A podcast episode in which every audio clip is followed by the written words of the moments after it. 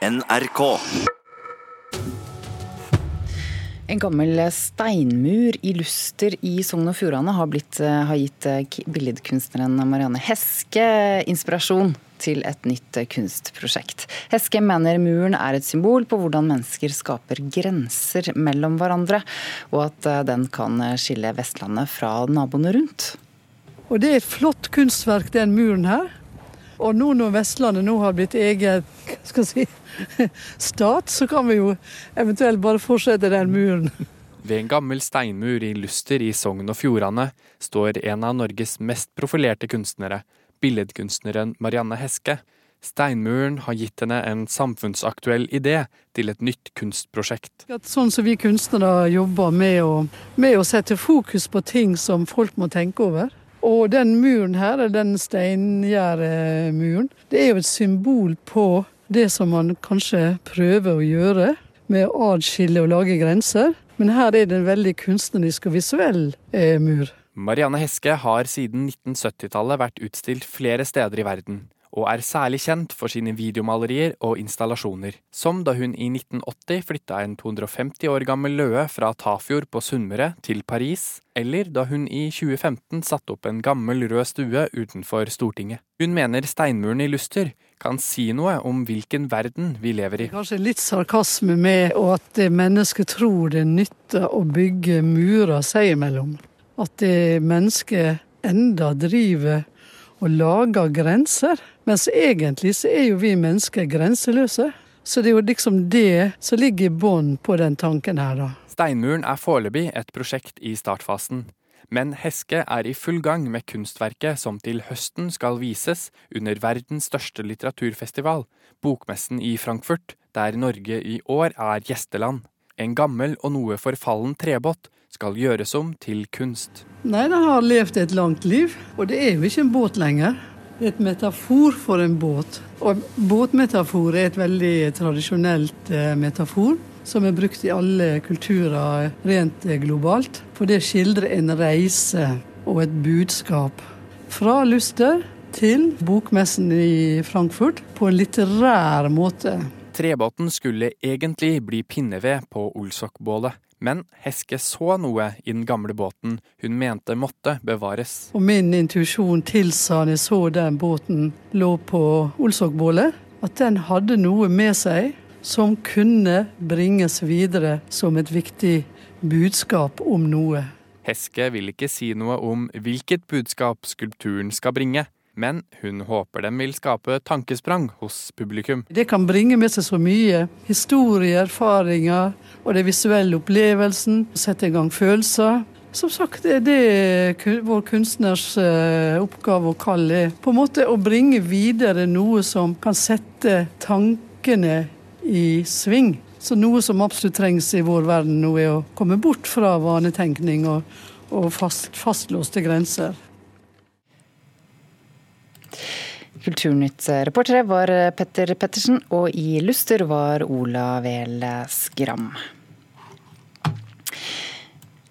I natt har de mest kjente ansiktene fra film, TV, musikk og mote kledd seg opp i haute couture fra verdens mest kjente motehus under The Met-galla på Metropolitan Museum of Art i New York.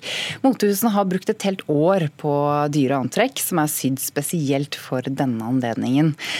Maren Kvamme Hagen, du er kulturjournalist her i NRK og har jobbet mye med mote. Velkommen hit til Nyhetsmorgen. Takk skal du ha. Hva er The Met-galla? The Met det er et kostymeball som, der formålet er å samle inn penger til The Metropolitan Museum of Art. Eh, og Det er egentlig holdt på i over 70 år, hvert år. det her. Eh, der på en måte rike velgjørere kommer for å feire i museet og samtidig gi masse penger. Og så har det på en måte blitt noe mer enn det.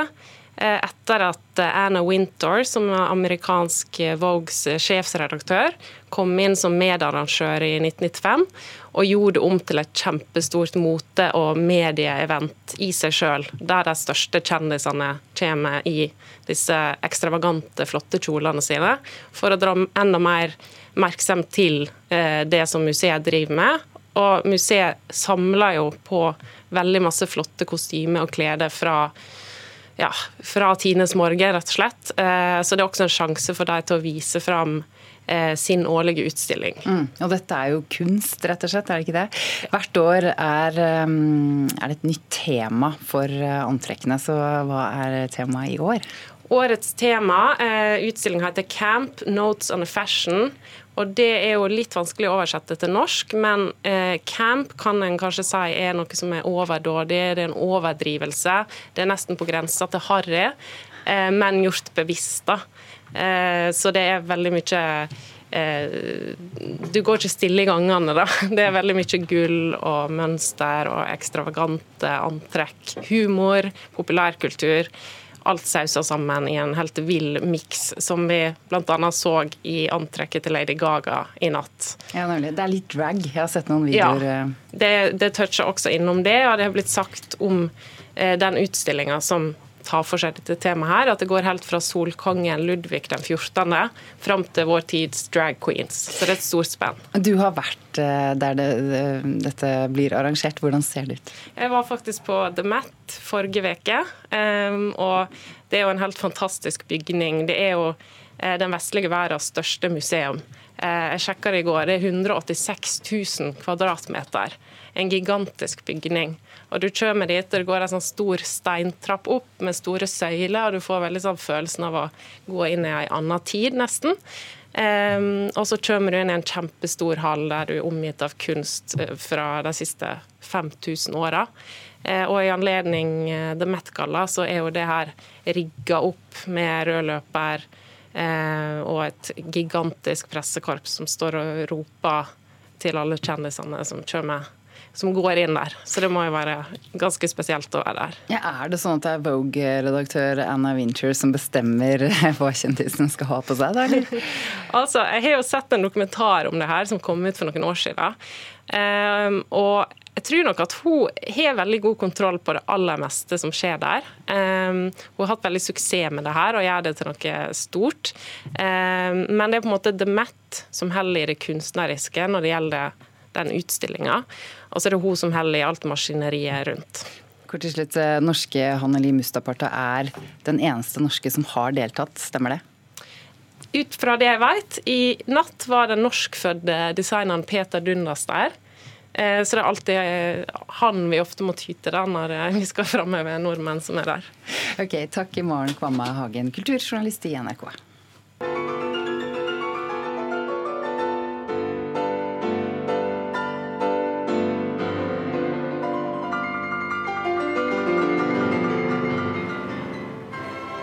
Hvert år spilles klaverkonsert i Amola Grieg under Festspillene i Bergen. Og Derfor gir vi det her i dag, fordi Bergens Tidende, kulturreporter Ingunn Mikkelsen, har en blank nyhet på sin kulturforside i dag.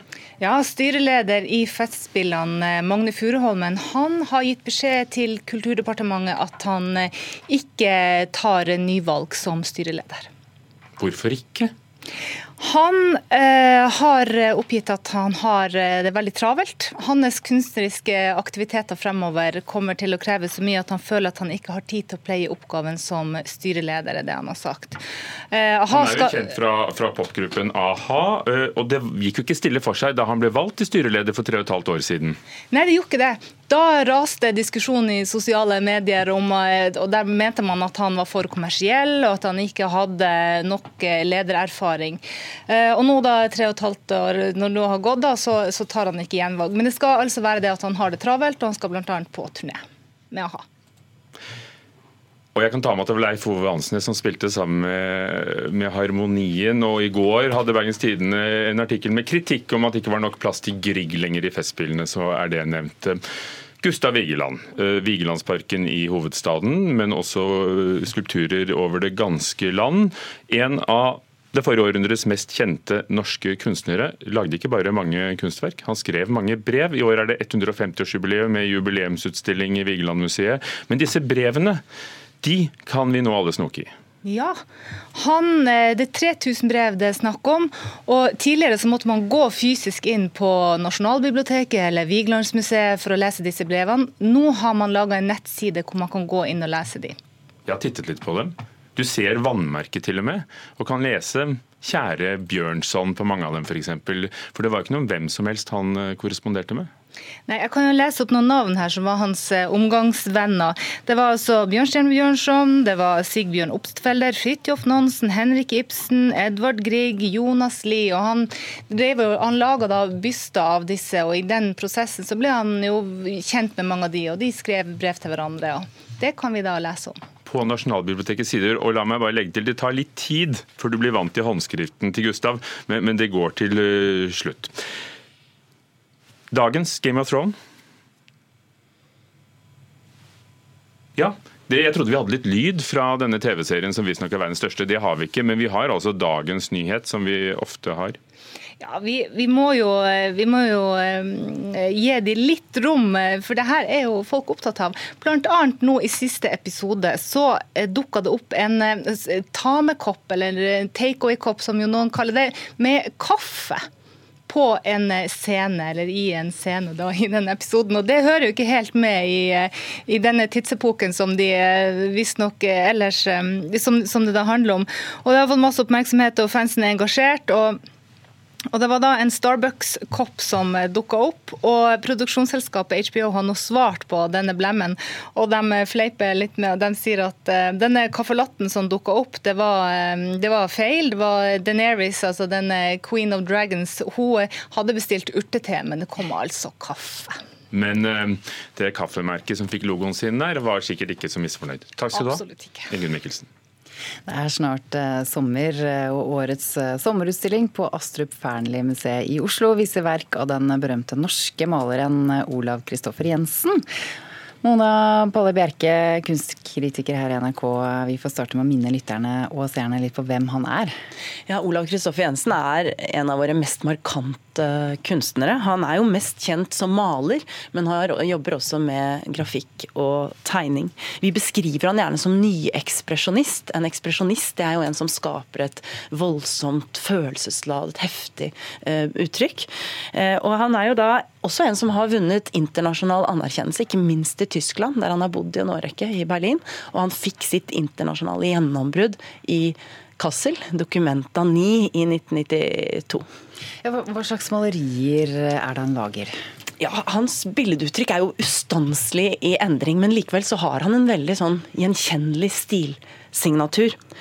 Han alle hans verker er preget av en sånn kamp mellom noe planmessig stringent og noe eh, umiddelbart og nesten eksplosivt. Så han har denne brytningen i arbeidene sine. Men dette heftige uttrykket det ser vi særlig fra hans arbeider fra 80- og 90-tallet. I denne perioden så hadde han benyttet han teknikker der han sprutet og dryppet maling på lerretet.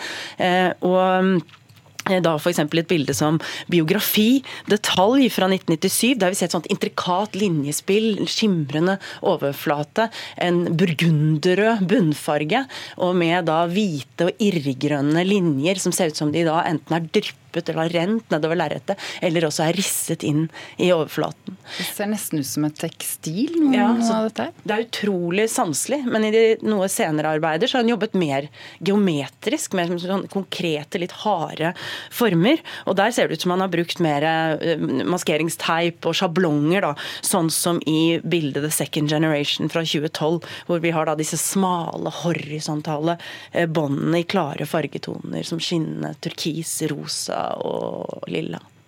Vakkert. Er, de, er, dette bare et visuelt uttrykk, eller har han et budskap?